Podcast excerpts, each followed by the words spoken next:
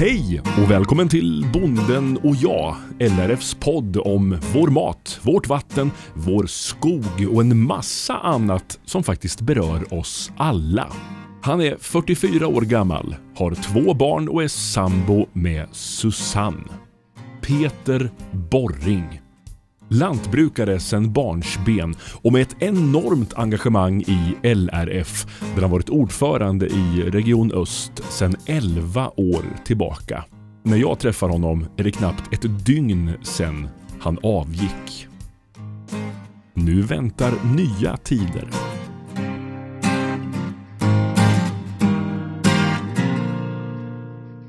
Vad gör barnen, Peter?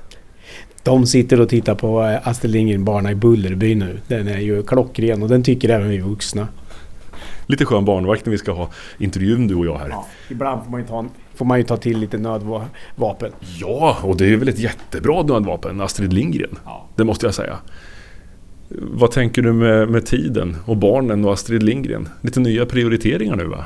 Ja men vi ska väl försöka få till lite grann. Jag bara hade en, en anekdot här förra veckan. Så, var det, eh, så, så skulle sambon eh, hämta på dagis så skulle de släppa, släppa av barnen hemma innan hon stack och handlade. Och, och, för jag satt hemma och då så säger barnen, eh, den äldsta som är fem år. Eh, jag följer med och handlar. Om pappa bara ska sitta vid sin dumma dator så vill jag inte vara hemma. Och sånt skär ju i en pappas hjärta. Ja det är klart det gör. Alltså, hur ska man sammanfatta de här åren? Vi kan vänta lite med det. Vi kan väl blicka framåt först istället. Det kan vi göra. Det kan vi väl göra. Vad händer för Peter Borg nu efter 11 år som ordförande i LRF Öst? Ja, mitt, mitt eh, egna lantbruk har ju växt och utvecklats lite grann med mera mark och vi har ställt om till ekologiskt för några år sedan som tarvar mer tid. Så att, eh, och, och, hela mitt uppdrag har egentligen byggt på att jag har haft eh, pigga glada pensionärer eh, som har kört och donat väldigt mycket och ställt upp med barnhämtningar och annat. Och de är fortfarande pigga och glada men, men kommer väl kanske inte vara riktigt lika pigga för all framtid. Så det jag, känner, jag har ju känt de senare åren att jag måste faktiskt ha en tillvaro där jag kan ändå ha mera tid hemma i, på gården. Så det är grunden att jag måste vara, vill och måste vara mera bonde. Och sen behöver jag väl också bygga upp ett företag för framtiden som kanske eh, har, ökar på omfattningen lite grann så att man kanske kan ha någon anställd eller en deltid eller på något sätt få lite anställd hjälp. Eh, så att jag faktiskt även kanske framåt till kan mm, göra någon insats i något uppdrag någon annanstans på något ställe i samhället. Ett nytt uppdrag? Det är jag inte främmande för i framtiden. Men du har börjat tänka i de banorna? Ja, men det måste man göra. För det är klart man ser under vilka omständigheter och förutsättningar man kan engagera sig. Gården är min bas men, men eh, samtidigt de här 11 åren gett en mersmak. Jag har ju kvar några små uppdrag som jag kommer ha inom bland annat eh, Landshypotek Ekonomisk Förening som äger en, en bank. Och sen har jag kvar inom det här eh, Vinnova-initiativet på Linköpings universitet så sitter jag, kvar, sitter jag i styrelsen för det Agtech 2030. Och sen är jag kvar som lärare på Vreta gymnasiet inom teknik och lite konsultuppdrag. Så att det är inte så att man, man är precis eh, bortkopplad från, från eh, kontakter utanför gården. Nej, det hör jag. Det går åt några glada pensionärer här eller? De kommer behövas även fortsättningsvis, så är det. Om vi ska berätta för de som inte vet, eh, Peter Borring, ordförande i Lantbrukarnas riksförbund, ett känt namn i media. Jag har själv kontaktat dig i mina tidigare uppgifter i arbetslivet och ställt massor med frågor till dig gärna. Tidigt på morgonen och du har alltid ställt upp. Om vi skulle börja med den här gården, eh, ursprungsverksamheten. Vad är det för ställe det här? Ja, det här är ett ställe som jag egentligen inte har någon eh, jättelång relation till. Jag flyttade in här för tio år sedan när vi köpte gården. Eh, marken till den här gården eh, den styckades upp och marken eh, köpte mina föräldrar för eh, knappt 30 år sedan. Men däremot så har min, mina föräldrar och vi, mina förfäder då varit, så jag är tredje generationen på grannmark här. Fjärde generationen till och med på, på grannmarken här runt omkring. Så vi har funnits här i bygden. Och detsamma på, på mark eh, eh, på andra sidan Skänninge borta i Bjärbo, lite ödmjukt i Arns fotspår brukar jag säga. Där har vi också en, min mammas föräldragård. Så jag brukar ett antal smågårdar. Eh, dels här ute på Östgötaslätten eh, och sen har jag lite arrenden eh, runt Mantorp samhälle och får känna tätortsnära lantbruk. Och sen brukar vi också min sambos eh, föräldragård som är i Bankerkind eh, ner mot Grebo till. Så det, det är mera mellanbygd där och lite annan typ av lantbruk då. Va? Med mera utmaningar med vilda djur och sådär. Så, mm. det är liksom den basen jag har i mitt lantbruk. Ja, det var inte lite där heller du. Nej, det är lite spretigt där. Det är sju och en halv mil mellan ytterventegerna brukar jag säga. Och det, det, det får man tänka till hur man hanterar. Vad är det som växer här på dina marker?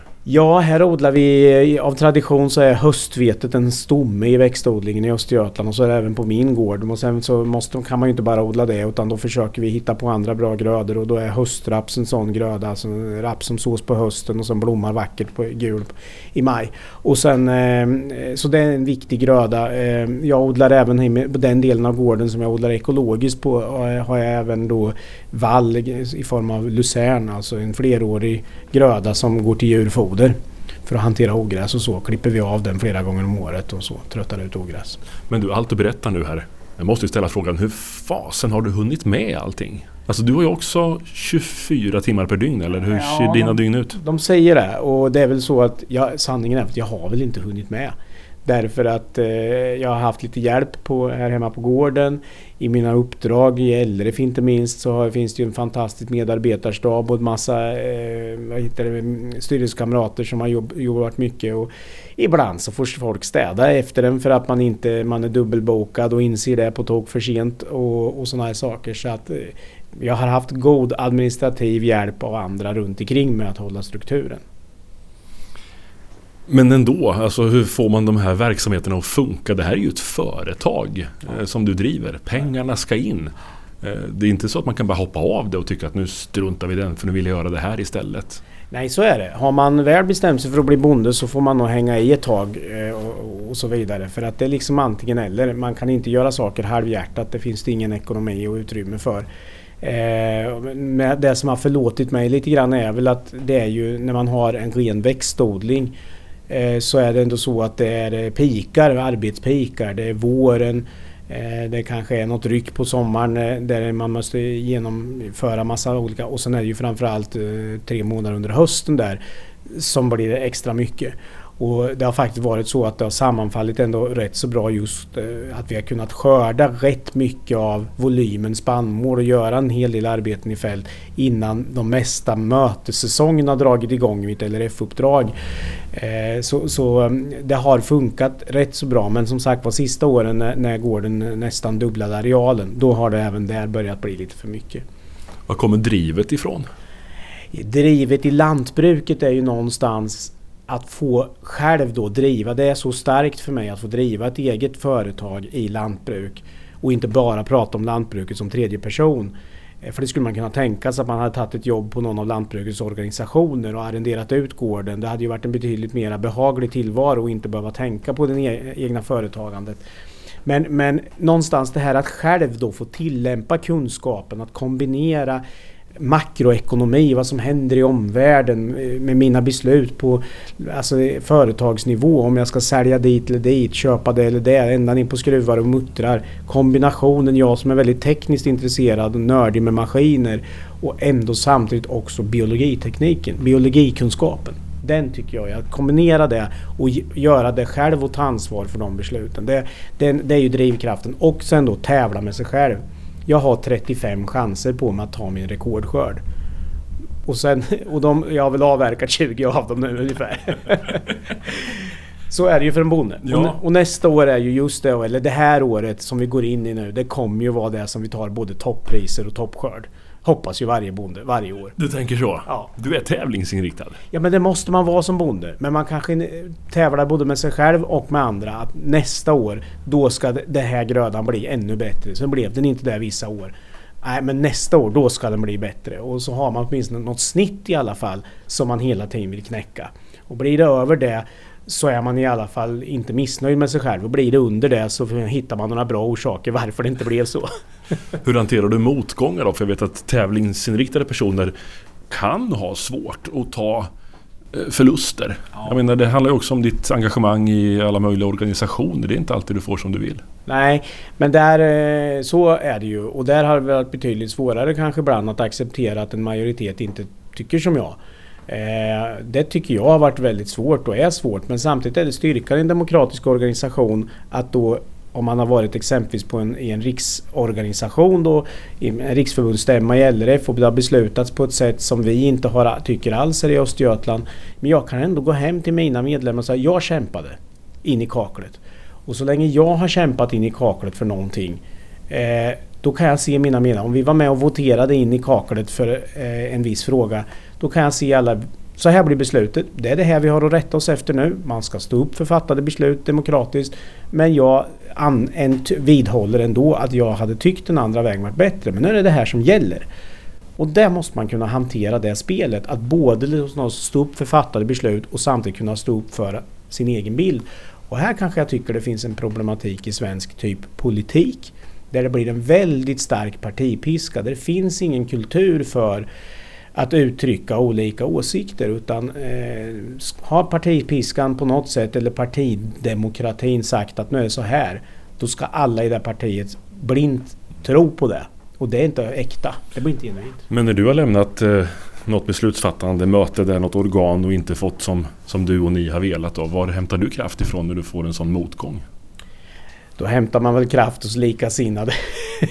det är faktiskt så jag har gjort. Då har jag gått hem och, och, och, pratat med dem. Antingen enskilda medlemmar eller i min styrelse eller andra bundsförvanter i frågan. Och liksom, så får man liksom på något sätt prata och inse hur dumma de var. Eh, majoriteten som inte förstod hur rätt vi hade. Och så får man på något sätt stärka sig själv i det. Och så får man utifrån det ändå på något sätt också då eh, hitta ett resonemang med likasinnade om vad som blir bra eller vad vi nu ska göra för något bra av det här beslutet som vi ändå inte gillade så att säga. Va?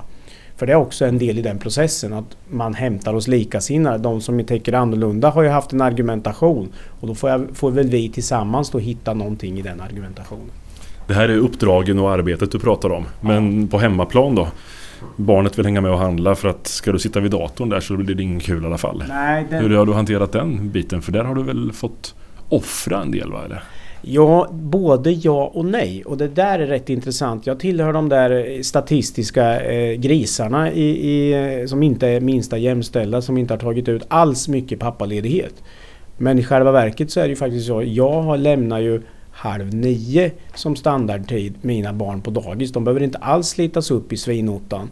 Jag lämnar dem halv nio när jag åker på ett möte klockan nio i Linköping. Eh, vi åker och handlar, jag och mina barn, ofta eh, innan de har hunnit bli jättetrötta eh, i lugn och ro. För att pappa har haft en väldigt flexibel tillvaro. Jag kan jobba på natten och kvällen när de har gått och lagt sig. Med mina uppdrag, med mycket eh, mejlarbete och dator. Har du, har du hållit det? Har du prioriterat familjen och barnen? Eh, det har väl inte alltid gått att prioritera. Men just det här, och det stämmer ju även in med bilden som bonde. När ibland är det ju faktiskt så att barnen då blir sjuka och då kan de faktiskt kanske, vara, om de inte är jättesjuka, så kan de om de eh, sitta med, åka med i traktorn.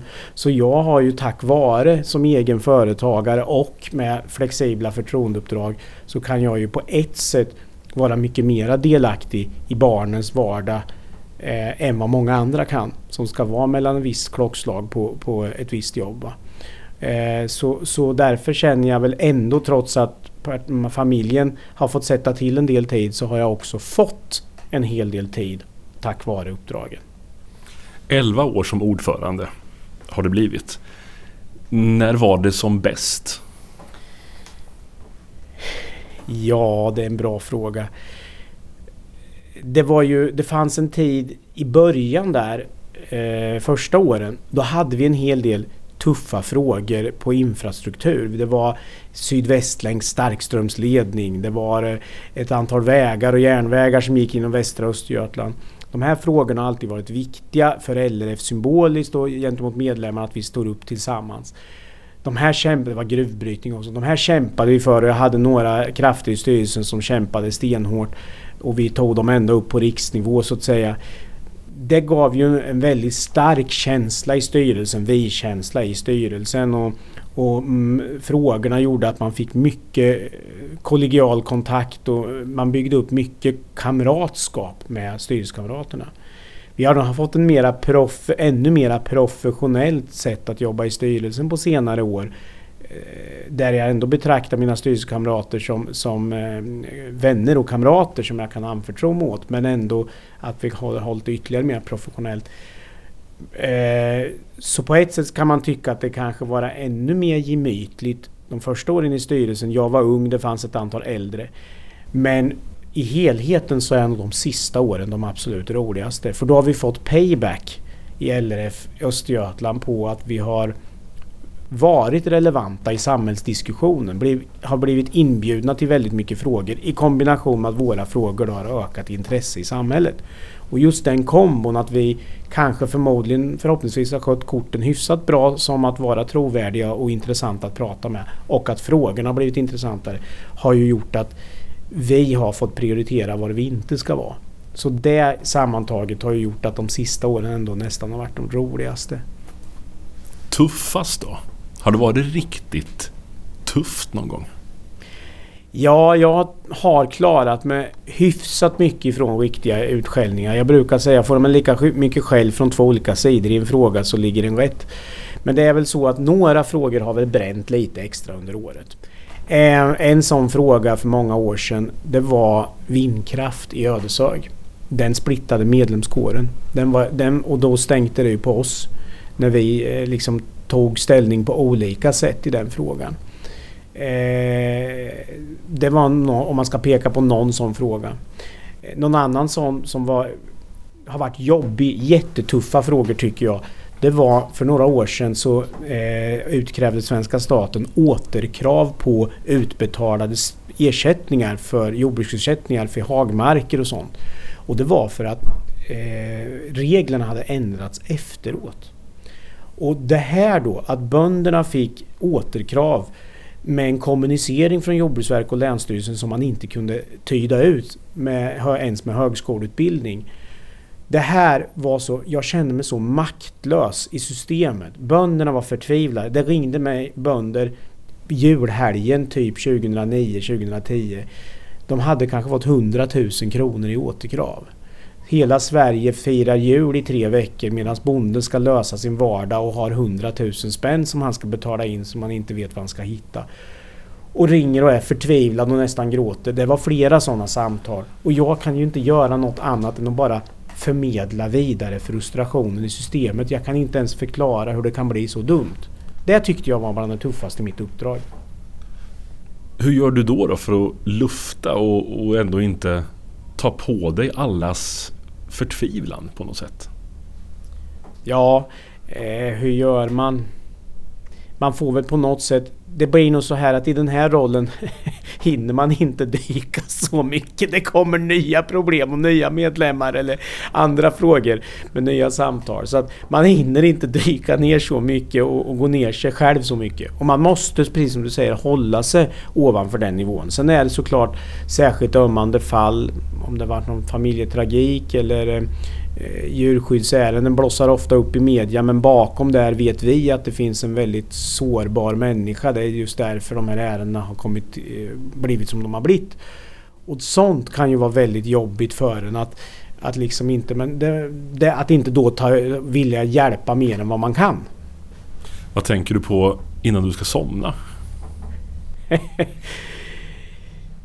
ja, jag vet inte vad man brukar tänka på. Jag brukar nog eh, inte tänka så mycket på morgondagen, vad jag ska göra imorgon. Utan jag brukar nog framförallt...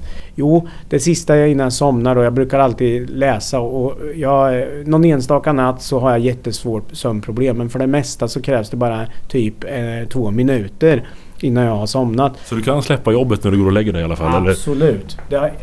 jag har inte haft många sömnlösa nätter kopplat till LRF-uppdraget om jag ens har haft någon faktiskt. Jag tänker på lantbruket och allt du sitter i. Alltså, du har en förmåga ändå att släppa de där sakerna och, och tänka bort alla måsten och krav och allt du vill.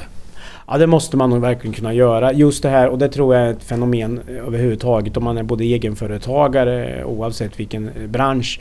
Så är det ju som att vara student. Man skulle alltid kunna gjort något lite mer och ha ett dåligt samvete. Det finns alltid något skit i hörn. Och det, så är det väl för vanligt folk med. Men, men eh, som företagare och inte minst med lantbruk, jord, jord och djur och natur. Va?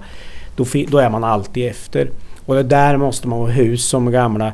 Man måste lära sig att gilla det läget. Att det är bara så att man kan alltid eh, göra någonting. Och eh, att kunna koppla ifrån eh, åka med familjen och, och, bada eller åka med familjen en lördag för det annars så skulle helgerna verkligen vara. Och det har väl varit så då om man, vi pratar om familjen så är det väl kanske just det att när andra kanske lantbrukare också då tar sig den där lördagen Då kanske jag måste sitta halva lördagen och beta av lite saker som jag inte har hunnit med för jag har sprungit på lite för mycket möten i veckan. Där kan det vara att familjen får komma i kläm. Du har säkert fått prata om alla år, de här 11 åren i mängder med intervjuer och med alla möjliga människor. Så därför lämnar vi det tycker jag. Vi tittar framåt istället. Eh, vilka frågor ser du är de största för, för lantbrukarna? Du får ta vilket tidsperspektiv du vill. Nej, men på både kort och lång sikt så är det två frågor som är avgörande. Om vi tittar på de eh, 15-talet färdplaner mot fossilfrihet som olika 15 olika branscher har lämnat in till regeringen i Sverige.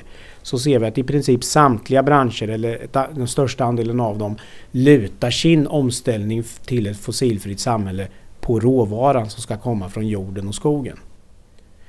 Det här gör att Alltså det här ställningstagandet att på ett klokt och hållbart sätt ändå bruka jorden och skogen. Det är nog den viktigaste frågan. Och då blir den viktigaste frågan då att vi faktiskt bestämmer oss på allvar och då kan vi se att svensk lantbruk har genomsnittligt för dålig konkurrenskraft. Alltså vi tappar, det ett nö, nö, eh, fikonspråk kan låta som, men vi tappar ju trots allt produktion. Det försvinner lite produktion. Att det minskar antalet bönder är kanske en strukturutveckling som kan vara svårt att bromsa och hejda. Eh, att antalet mjölkkor exempelvis har minskat. Ja, det kanske är svårt att vända det fullt ut. Även om en del andra länder till och med har vänt det. Men när också produktionen av det samlade minskar så ett antal färre bönder inte ens klarar att producera. Så vi inte, då, då, och där har vi ju varit och är på ett antal viktiga bitar. Och det här kräver prioriteringar från samhället.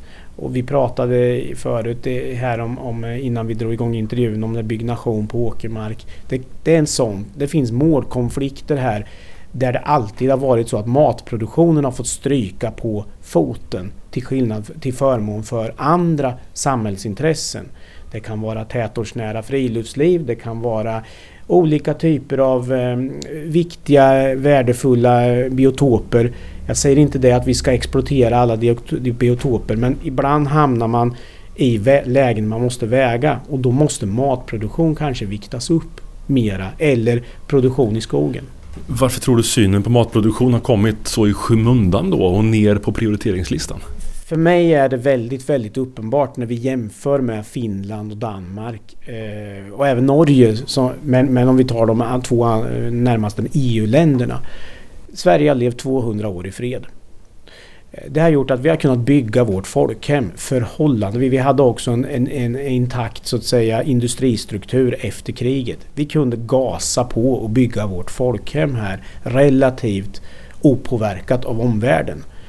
Eh, det är först egentligen på 90-talet som omvärlden kom ikapp industrin och industrin har kunnat liksom ställa om och svenskt arbetsliv har kunnat ställa om med mer komplexa eh, arbetsroller som har gjort att vi har kunnat ha ett högt löneläge och ändå då liksom kunna nyttja och ställa om arbetskraften så att säga. Och jag tror det är den påfrestningen som vi ser i samhället i stort också. Att vi har en del av de nya svenskarna då med, med en helt annan så att säga, utbildningsbakgrund som då är svårmatchade på den svenska arbetsmarknaden som kräver väldigt mycket och en hel del utbildning eller kompetens idag.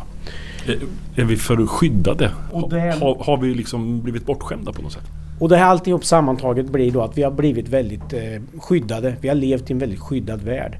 Och bara det faktum då att för tio år sedan så kunde de två största politiska falangerna då så att säga eh, i politiken, eh, moderater och socialdemokrater, kunde gemensamt göra en omvärldsanalys att vi inte behövde något försvar längre när samtidigt Finland och Norge som ligger på varsin sida om oss gjorde en diametralt skild bedömning och istället fortsatte att växla upp sitt försvar.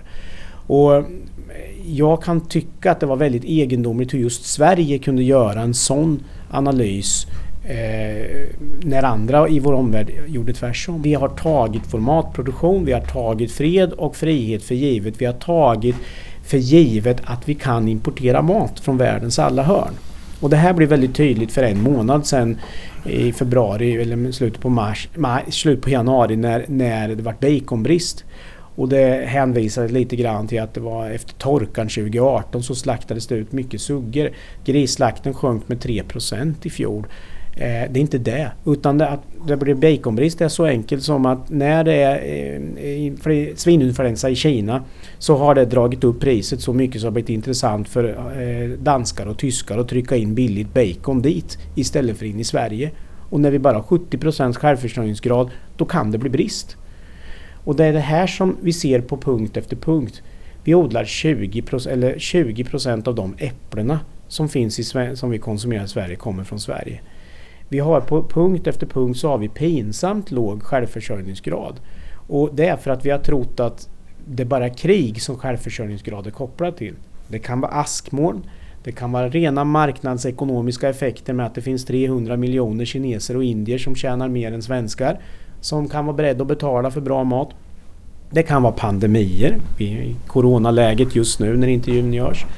Eh, vi vet inte vad som kan göra att maten och flödet från olika håll får störningar. Och i framtiden då så ser vi att vattenfrågan är något vi inte har pratat om. Och vi hämtar ju en stor del av vintern i alla fall, våra frukt och grönsaksdisk ifrån Sydeuropa och Nordafrika där vatten kommer bli en fullständigt alltså, kritisk faktor.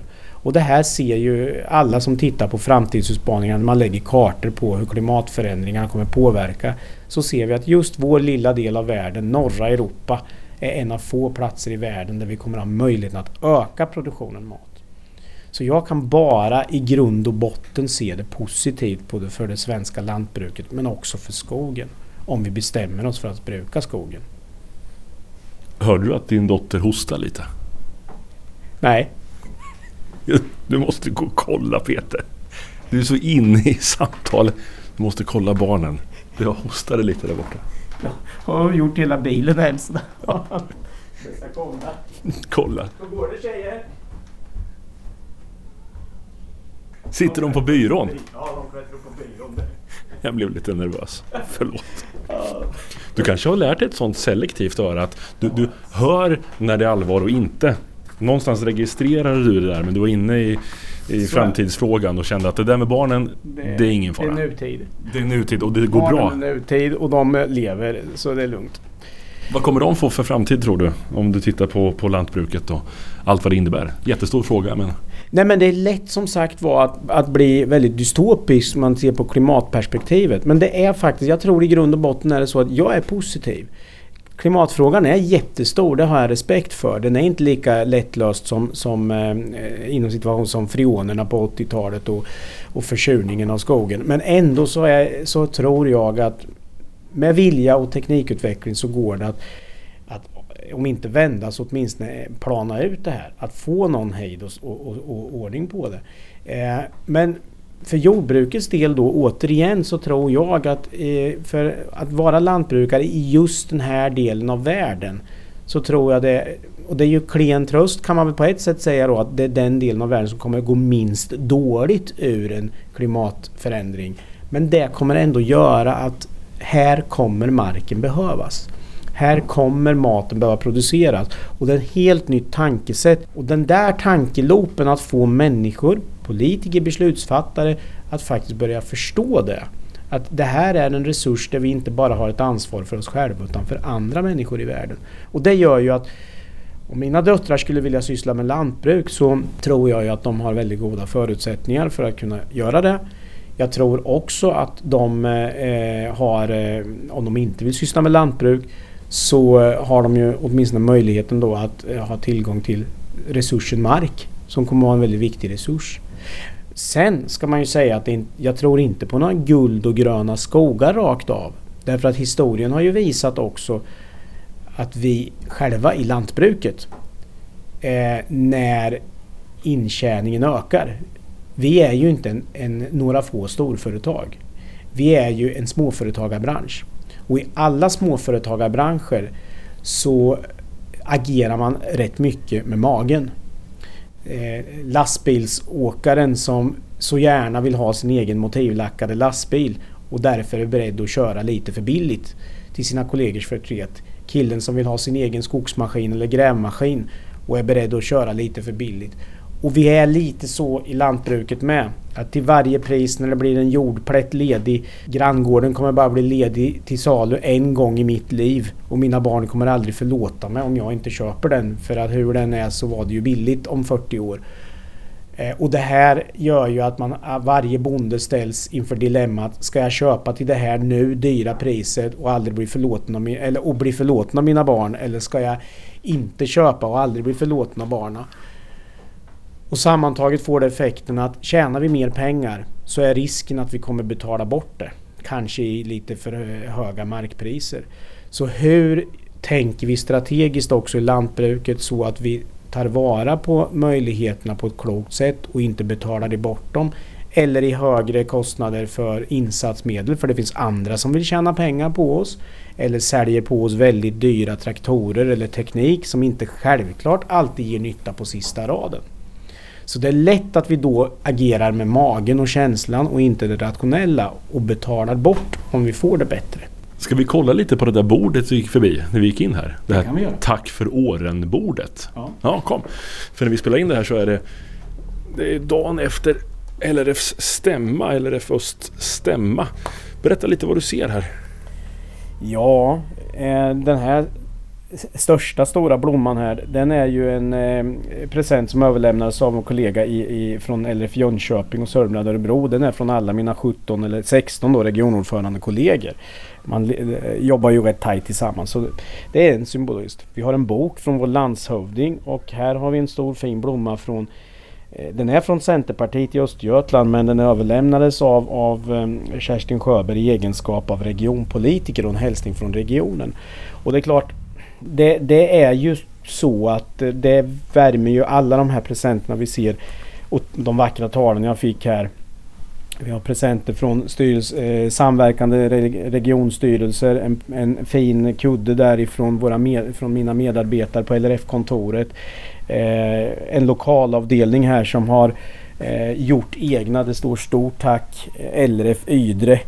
Eh, på handdukar och, och, och, kepsar och grytlappar här. Ja, det är hur mycket saker som helst. Vad, tänk, vad tänker du när du ser det här? Det går ju rakt in i hjärtat. Jag, jag fick en, en utsnidad traktor ifrån alla mina tidigare styrelsekamrater inklusive nuvarande då. Va? Så, eh, fantastiskt! Och någonstans så när en landshövding, regionpolitiker är här Eh, och alla då enskilda kommungrupper. Det finns olika böcker här. Jag fick massa korvar från, och, och, och eh, ostkakor ifrån eh, olika delar av, av Östergötland.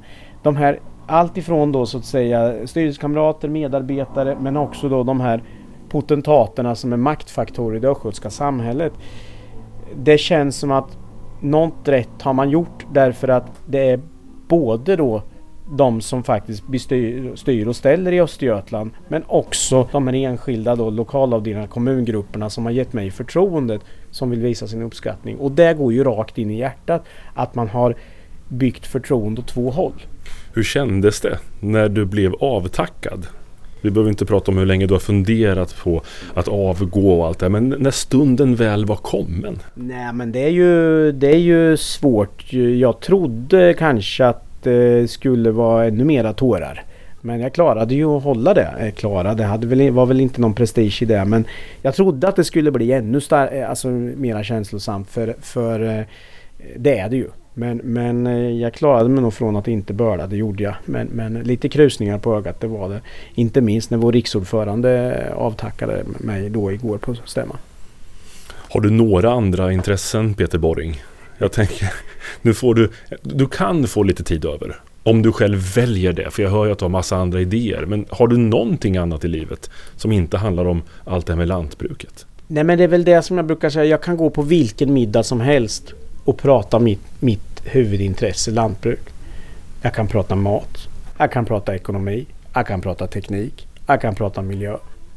Och jag kan alltid vinkla det utifrån eh, det är väl möjligen mat och recept som jag är lite svagare på. Men jag kan alltid liksom hitta någon liten touch från de flesta människor i deras perspektiv. Och kanske även viss till lite kultur och landskap och geografi och historia. Men du har ingen annan sån eh, hobby och intresse eller en, en, en dröm någonstans i pensionshorisonten något helt annat? Nej, det har jag faktiskt inte. Min dröm i pensionshorisonten den är att vi ska ha byggt ett bra lantbruksföretag som antingen är värt att ta över eller också eh, man själv kan vara stolt över som, som har en annan plattform. Så det är väl någonstans där man strävar efter. Men sen mitt uppe i allt i det så vill man ändå eh, har varit väldigt viktigt för mig att ha tid att umgås med människor. Eh, mina, närmaste vänner, mina närmaste vänner familjen såklart. Eh, att liksom bara få vanlig avkopplingstid. Njuta av god mat och dryck. Det liksom har varit de essenserna. Som jag har något fritidsintresse då är det nog verkligen den här vara att umgås. Du har lyssnat till Bonden och jag, en poddradioserie från LRF. För fler avsnitt och intressanta ämnen, klicka dig bara vidare. Jag heter Mattias Lindholm och är programledare och producent för den här serien. Hoppas vi hörs snart igen.